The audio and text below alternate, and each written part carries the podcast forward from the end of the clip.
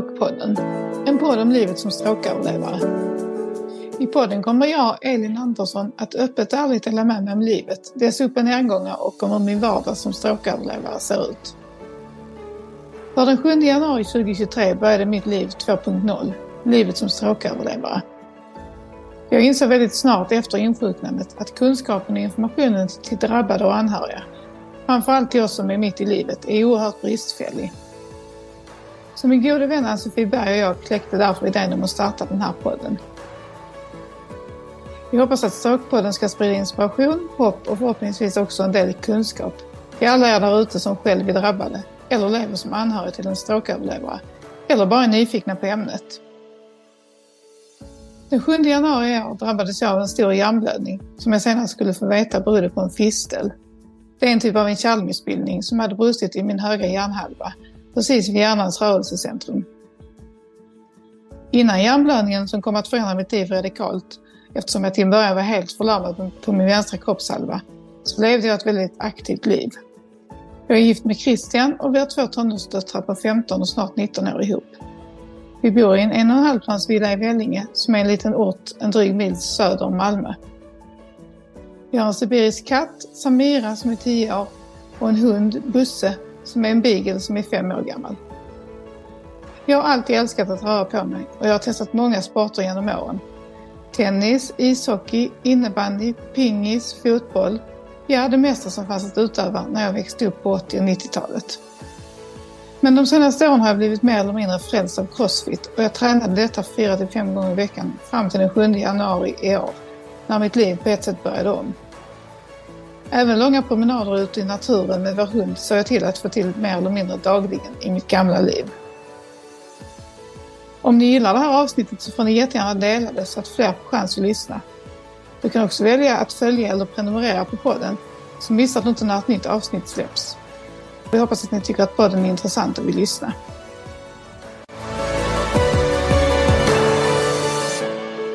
Ja, då har vi klarat av premiären och är redo för avsnitt två. Så kul! Det var ett så intressant första avsnitt som vi hade. Och eh, det ska ju också bli väldigt intressant att nu få höra Susanne berätta sin version av det hela. Men eh, innan vi nu drar igång dagens avsnitt så vill jag gärna höra hur din vecka har varit. Har du gjort något speciellt? Något speciellt för att utmana dig? Ja, denna vecka när vi spelar in detta avsnitt så har jag varit på Liseberg med familjen. Eh, och ja, jag lider av en svår FOMO som du känner till Fia, alltså fear of missing out. Så att eh, jag kunde inte låta bli att följa med familjen. Även om jag var lite rädd för att jag skulle bli hjärntrött eftersom det är mycket intryck. Eh, och när jag väl var där på Liseberg så stötte jag faktiskt på en inte planerad utmaning. Ja, men jag såg ju den här utmaningen på Instagram och kunde ju inte riktigt hålla mig för skratt alltså när det hände. Nej, det kan jag förstå. Ibland hamnar man i tokiga situationer. Alltså, jag hade faktiskt själv svårt att hålla mig för skratt när det hände, ska jag erkänna. Ehm, det var ju så att min mobil ringde när jag gick på en bro där på Liseberg och jag var tvungen att sätta ifrån mig min käpp för att kunna svara. Så jag lutade käppen mot räcket på ett ställe som jag tyckte såg jättebra ut. Men så plötsligt så ser jag liksom hur den i slow motion ramlar ner i ån och strömmen drar iväg med den. Och där står jag förvånad utan käpp. Och ja, då fick jag dagens utmaning. Att gå utan käpp den sista delen av dagen. Mm, ja, den biten hade du också lagt till på ditt Instagram-inlägg. När du går där utan käpp. Och eh, jag var verkligen alltså, så imponerad. Det var så bra jobbat. Ibland så är det väl bara så att eh, livet den ger en utmaningar som man inte alls har räknat med. Men det är bara att gilla läget och så kör man på. Och det var ju precis det du gjorde. Sen har ju faktiskt du och jag tränat ihop i veckan. Och träning är ju någonting som vi båda två uppskattar och faktiskt försöker göra så ofta vi ses. Även nu efter din stroke. Precis, och innan ni flyttade utomlands så tränade vi faktiskt mycket ihop eftersom vi bodde väldigt nära varandra. Och jag måste bara säga att jag uppskattar verkligen att du fortfarande orkar träna med mig. Även om vi inte kan göra samma övningar så är det inte så himla kul att vara på ja, gymmet eller i boxen tillsammans. Ja, men såklart att jag uppskattar det eftersom vi, vi peppar ju varandra. Du fick ju till exempel mig att göra många fler repetitioner än vad jag hade tänkt mig idag. Men eh, vad tycker du? Ska vi köra igång avsnitt två? Ja, absolut. Välkomna till Strokepodden. I dagens avsnitt kommer vi bland annat att prata om hur man ska avgöra när någon har råkat ut för en stroke och hur man ska agera när man misstänker stroke. Och på Strokeförbundets hemsida så kan man läsa att i Sverige så får cirka 25 000 personer stroke varje år.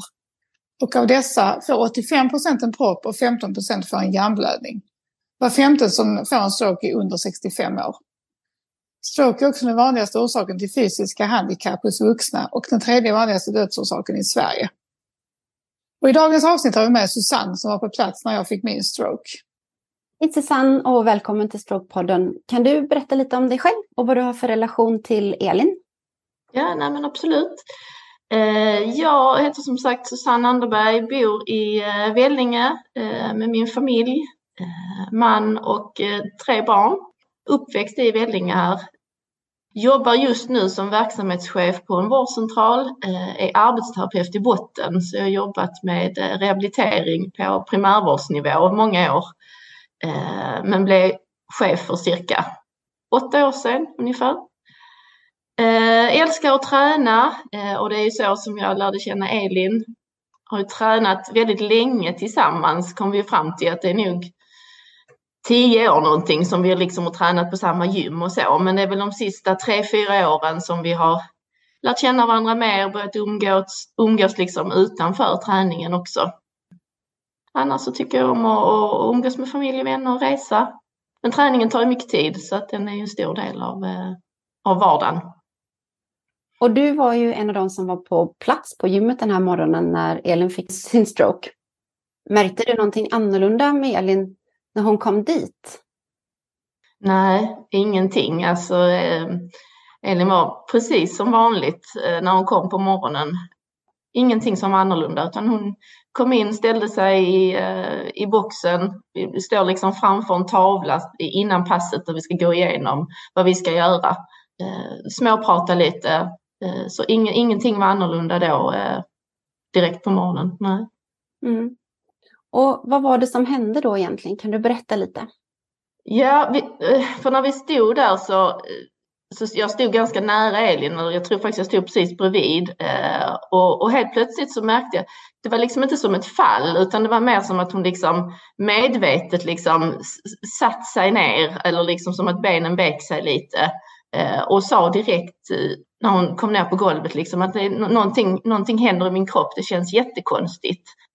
Beskre, hon beskrev en känsla som att det känns som att jag liksom blir lite spagettikänsla i kroppen. Men ingenting liksom om att hon hade ont i huvudet, ingenting om att det var någon speciell sida av kroppen eh, och pratade precis som vanligt, utan mer den här, hon beskrev en, en annorlunda känsla i kroppen. Eh, svaghet. Mm och la sig då ner på golvet.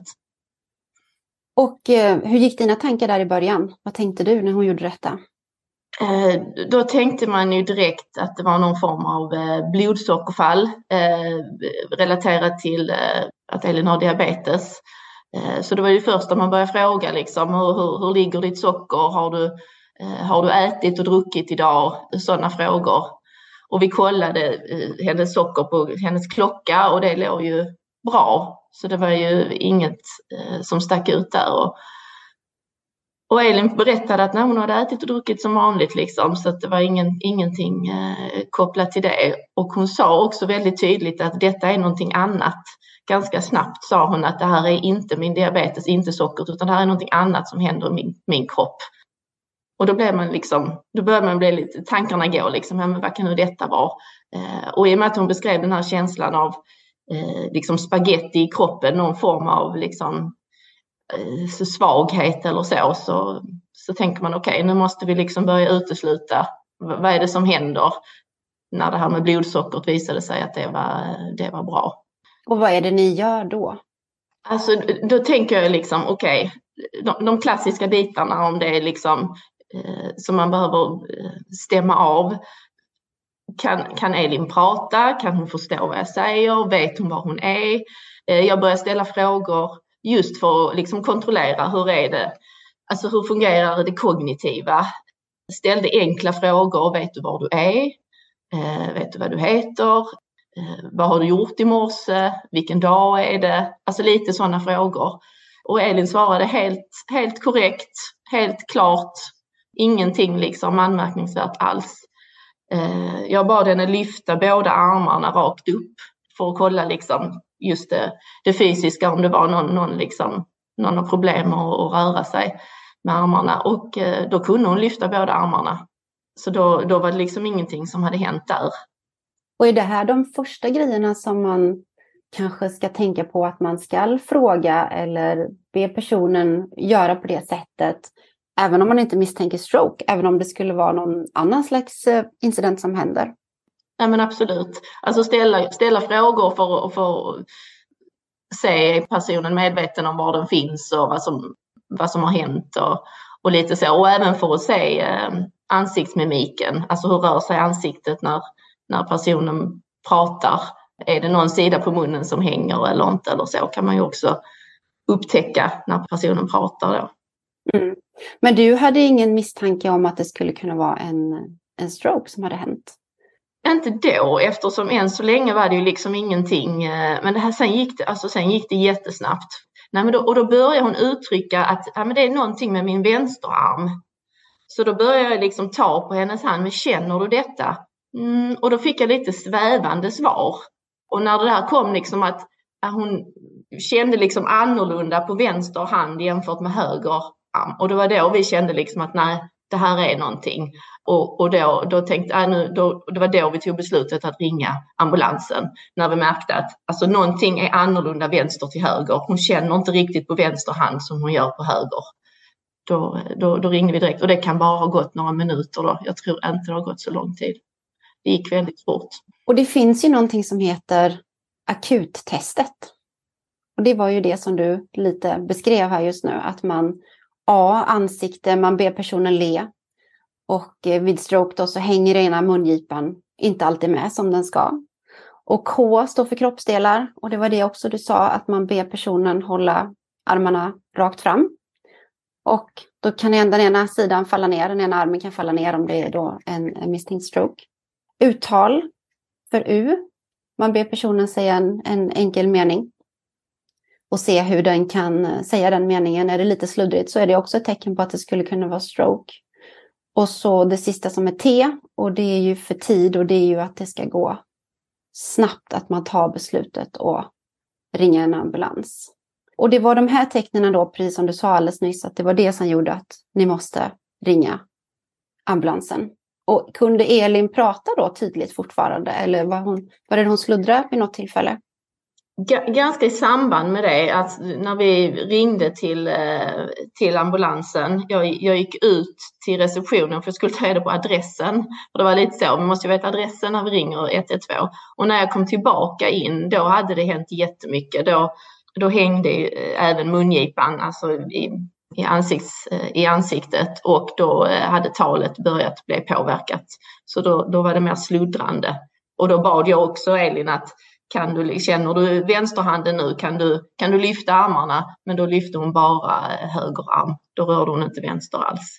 Men då hade jag ju redan 112 i luren. Men då gick det väldigt snabbt. Då gick det fort. Men en stroke kan väl också egentligen komma smygandes. Det är inte alltid det här går så här eh, plötsligt vad jag har eh, förstått, utan det kan vara eh, väldigt långsamt ibland. Man har samma typ av symptom då.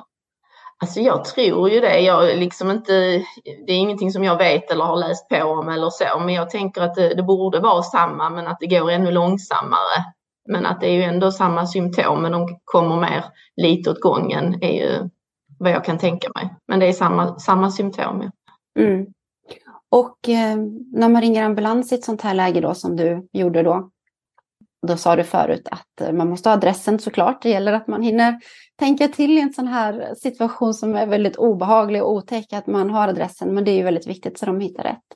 Vad får man för respons när man ringer 112 och vad är det för viktigt att komma ihåg och säga till dem? Jag tror, alltså beskriva, det är så som du säger, var, var man är och sen den första frågan man får, vad är det som har hänt? Och det är egentligen att berätta så detaljrikt som möjligt liksom från början. Vad var det första som hände och hur har liksom förloppet varit sen under den här tiden? Så beskriva egentligen så som jag beskrev nu, liksom vad som hände, vad, vad vi har gjort, vilken respons vi fick och om det är några kanske andra speciella läkemedel som den drabbade äter eller andra sjukdomar som man känner till som den drabbade har. Att man informerar om det om man, om man vet det. Och responsen från eh, 112, vad, vad är det, blir det något sådär att de eh, märker om att läget är mer akut kanske än något annat? Jag tror, jag tror att när jag beskrev vad som hade hänt och, och, och framförallt när jag kom tillbaka in och sa att nu hänger även eh, vänster mungipa, eh, talet är sluddrigt, då, då tror jag liksom att de förstod ganska snabbt att det här, nu måste, det här, det här är akut. Så de sa ju liksom direkt att vi, vi tar när, närmsta ambulans kommer och är där inom tio minuter. Stanna kvar. Vi, hon sa också, hon var jättetydlig och det var väldigt lugnande för mig för hon sa då direkt att jag har redan skickat iväg ambulansen. Så du vet, liksom, ambulansen är på väg, men vi fortsätter att prata. Eh, så då visste jag, ambulansen är på väg, vi kan i lugn och ro fortsätta prata om det var någon mer information hon, hon behövde ha. Och sen så kunde jag också ställa frågan och det gjorde jag för jag kände att jag, nu vill jag veta vad, vad vi kunde göra under tiden. Okej, nu är det tio minuter här, vad ska vi tänka på under denna, under denna tiden tills ambulansen är framme? Och då svarar hon bara att ni ska inte göra så mycket mer, ni ska bara försöka lugna Elin, vara hos henne, se till liksom att hon, eh, hon känner sig så trygg som det går, bara vara där i stort sett och vänta in ambulansen.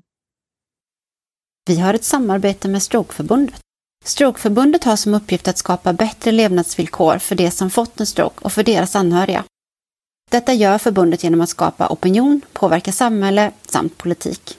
Det handlar om att informera om stroke och dess symptom, Särskilt hur man förebygger och upptäcker när någon drabbats av en stroke.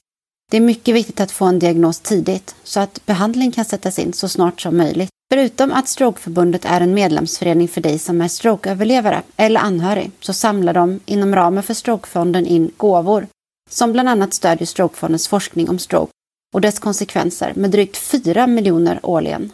Vill du vara med och bidra? Gå in på strokeförbundet.se. Där kan du skänka en gåva och själv bli medlem. Vi har ett samarbete med Optima Rehab. Behöver du rehabilitering? Optima Rehab erbjuder intensiv rehabilitering i Spanien. I tre veckors tid, fem dagar i veckan, sex timmar per dag tränar du med specialister inom rehabilitering.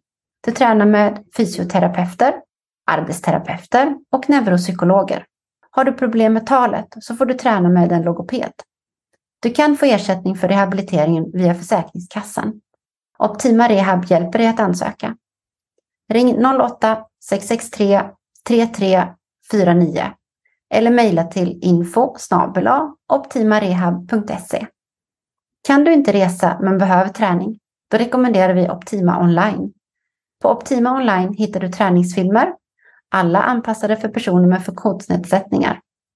Gå in på www.optimaonline.se. Och hur är eh, läget på Elin då?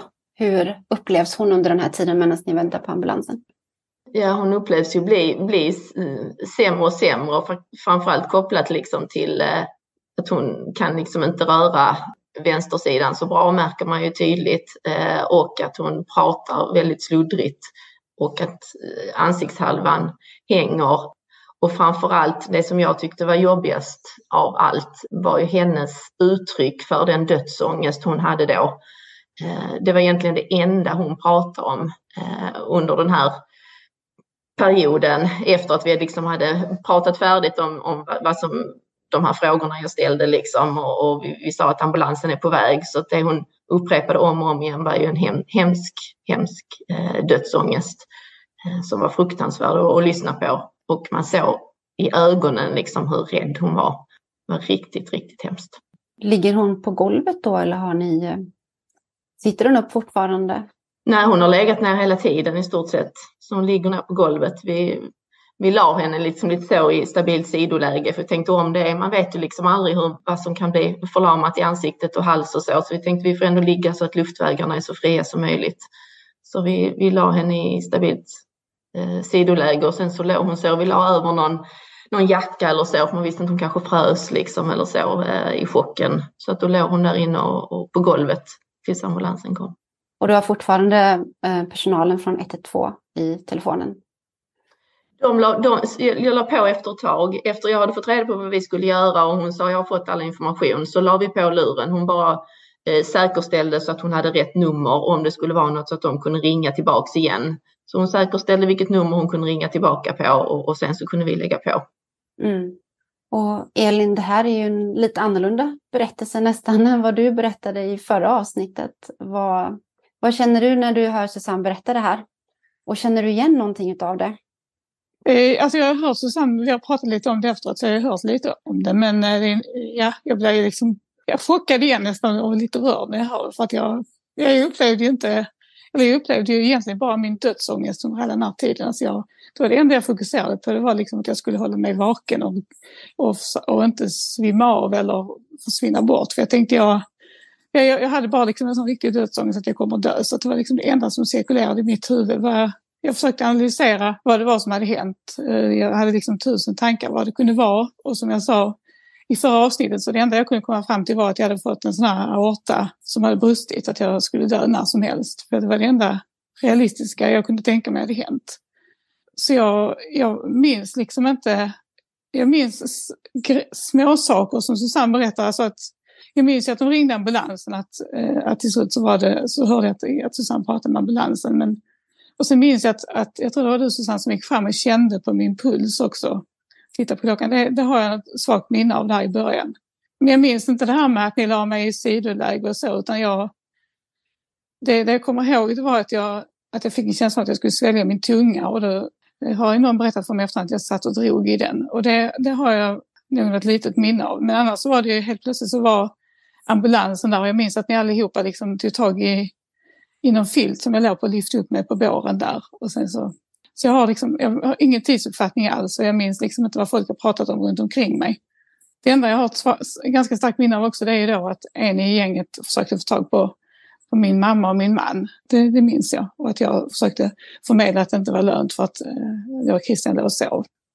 Så var det någon som fick köra hem då och försöka väcka honom. Jag minns också nu, nu när du säger det, när du, vad du, dina självtankar, så minns jag att du frågade mig flera gånger, jag tror det var efter vi hade ringt ambulansen, är det en hjärnblödning jag har fått? Är det en hjärnblödning jag har fått? Och det tyckte jag också var jobbigt för jag visste inte riktigt vad jag skulle svara eftersom jag misstänkte det.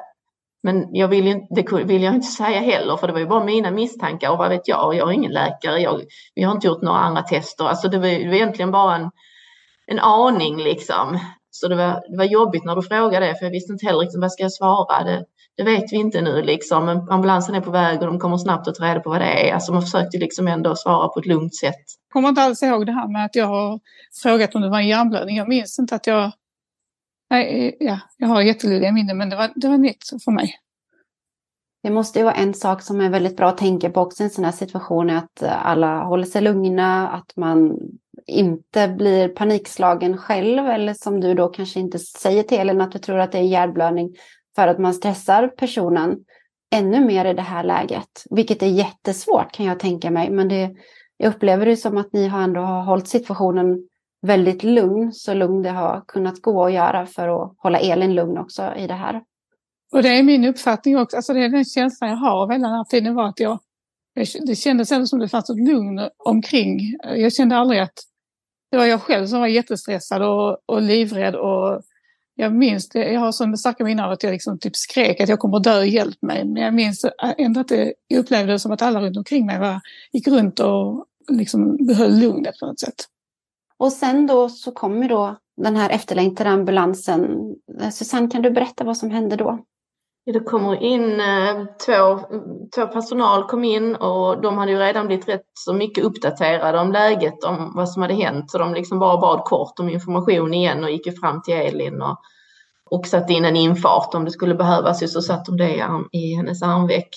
Och sen så, eh, så ringde de ganska snabbt runt för att se var de kunde få en eh, MR så snabbt som möjligt. För de insåg nog ganska snabbt att det behövdes en, en, en röntgen. Så att de ringde ganska snabbt faktiskt. De hade inte varit där länge då och kom då fram till att det var tid ledig nere i Trelleborg och sa att vi, vi ska köra ner henne till Trelleborg. Eh, så då, precis som Elin beskriver, så, så la vi upp henne på någon filt och så hjälptes vi åt allihopa och lyfte upp henne på, på en bår och så ut i ambulansen. Och det gick också väldigt snabbt detta. Det var inte många minuter de var där innan ambulansen sen körde iväg. Och då kom ju Christian, maken, ganska samtidigt egentligen som, som Elin åkte, åkte iväg i ambulansen så han kunde åka med. Mm.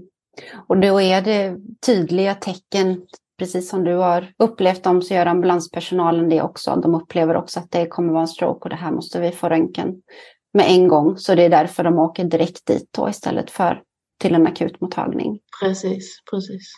Och sen så åker ju då Elin och Christian iväg med ambulansen.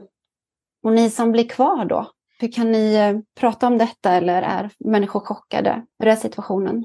Ja, alltså det är lite, alltså, precis som Elin skriver så upplevde jag också ett lugn. Alltså alla var lugna, eh, metodiska men, men kände, och kände ett behov av att vi satt kvar. Eh, jag minns vi satt oss liksom i en ring där inne och, och liksom bara, bara pratade lite liksom om vad det som hände och vad, vad är våra tankar, alltså ventilera lite, vad är våra farhågor, vad hände där? Och vad, alltså bara precis att bubbla. Och det var ju lite blandat folk, vissa, vissa i gänget där känner varandra väldigt väl och vissa känner varandra mindre väl, men det var väldigt liksom öppet klimat och jag tror att alla kände det behovet av att bara sitta ner en stund och bara eh, få säga och tycka och tänka. Eller någon som kanske var så tyst. Det var liksom helt avslappnat och man fick göra och säga vad man ville, men det var betydelsefull stund tror jag att vi fick samla oss där innan vi skildes åt. Och det är ju en oerhört traumatisk situation att vara med om när någon plötsligt rasar ihop så här och man får ringa ambulansen. Är det något så här i efterhand du har tänkt på som du gärna vill dela med dig som är väldigt bra att tänka på? Nej men just efteråt så tror jag också det här att man har nog ett behov av att att, att prata om det också. Eh, för det som du säger, det blir liksom ett trauma för alla och och det tar tid, alltså den här chockfasen, man kommer liksom lite i först men sen så kommer liksom tankarna i, en på något sätt. Så att vi, och där har det ju varit en trygghet att vi har varit flera som, som ändå har träffats regelbundet och som känner varandra så att man har ändå kunnat prata om, prata om det tillsammans. Eh, och det tror jag också är viktigt för att, för att bearbeta. Och att Elin har varit så öppen, liksom. vi har kunnat prata med henne också om det. Hon har liksom verkligen bjudit in och vi har liksom träffats hela tiden egentligen sedan det hände regelbundet och hälsade på, på på sjukhuset i början och jag kände också att det var jättebetydelsefullt för mig att få liksom fortsätta träffa Elin och, och följa henne och peppa henne och, och se hennes resa tillbaka. Mm. Och nu är det ju cirka åtta månader sedan detta hände och eh, nu kan ni ju faktiskt eh, träna ihop igen. Och hur kändes det då? Så det är ju helt underbart.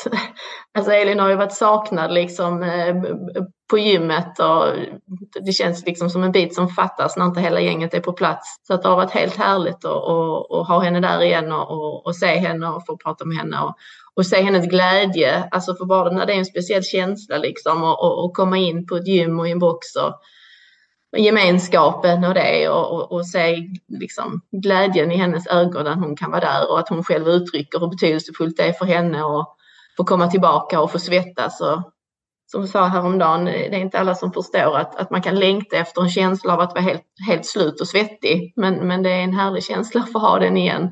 Eh, och det är underbart att, att få se henne uppleva detta igen. Mm. Och Elin, hur går dina känslor när du också har kunnat komma tillbaka till det här läget?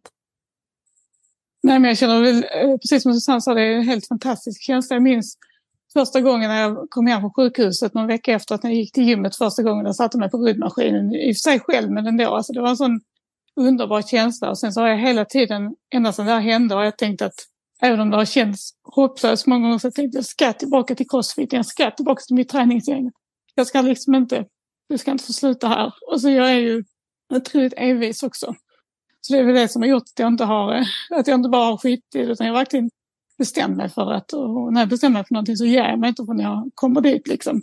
Så det har varit helt fantastiskt att nu faktiskt kunna börja träna ihop, eller ihop inom situationstecken. Jag kör ju mina rehabövningar men ändå kunna vara på gymmet samtidigt eller i boxen samtidigt och köra sitt eget tillsammans med det här härliga gänget då liksom och kunna svettas tillsammans och peppa varandra och så. Så det, det hade varit helt eh, helt fantastiskt att kunna komma tillbaka på det sättet.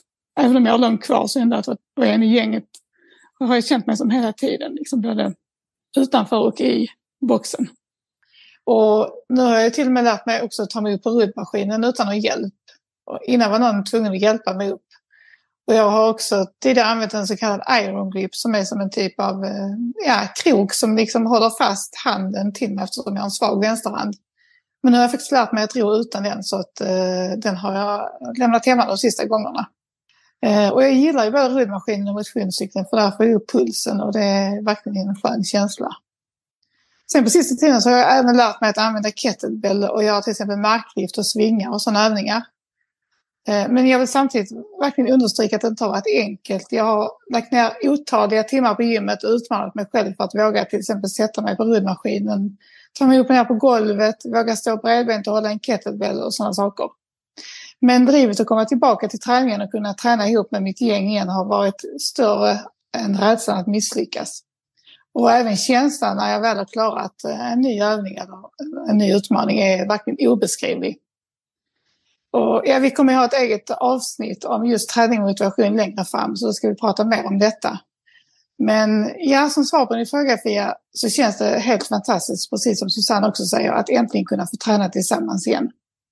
Det är ju en speciell energi när man kommer in i ett, ett eh, gym på det sättet och man har tränat ihop på många år och man känner varandra och man peppar varandra. Och, och när man får den där energin igen, då blir man ju ännu mer motiverad till att man ska kunna komma tillbaka och kunna ta del av allt det som man gjorde innan.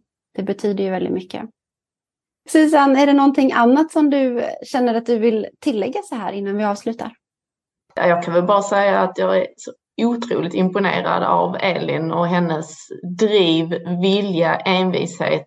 Förstår att man såklart att det är jättetufft att man bryter ihop ibland, men hennes målmedvetenhet, Alltså varje dag liksom nya utmaningar, kommer vidare, sprider inspiration till andra. Helt fantastiskt. Jag är så imponerad. Jag tror också att det är eh, som anhörig eller familj eller kompis runt omkring att man inte glömmer bort den här personen som kanske har råkat ut för det här utan att man fortfarande bjuder in även om man inte kan vara med på exakt likadant sätt som man har varit förut att man hela tiden har det i tankarna att eh, den personen ska också kunna vara med på något sätt.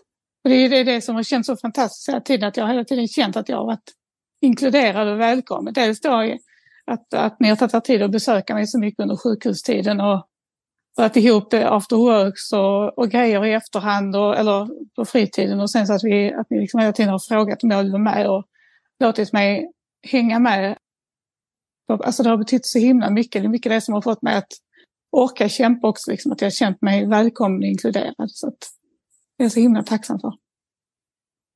Tusen tack Susanne för att du ville vara med i Strokepodden och tack för att du hjälper mig att sprida denna oerhört viktiga information vid misstanke vid eventuell stroke om hur man ska bete sig eller agera på bästa sätt. Stort tack själv. Det har varit en ära att få vara med. Tack Susanne. I nästa avsnitt så ska vi prata om den första tiden på sjukhuset i Trelleborg där Elin faktiskt spenderade tre veckor. Vill ni följa med mig på min resa så finns jag på Instagram och där heter jag Elin Strokefighter. Och där på Instagram så delar jag med mig av min rehabilitering och min träning och mina utmaningar i vardagen. Eh, ni får gärna mejla mig också på mejladressen elinstrokefighter.gmail.com. Vi hörs i nästa avsnitt.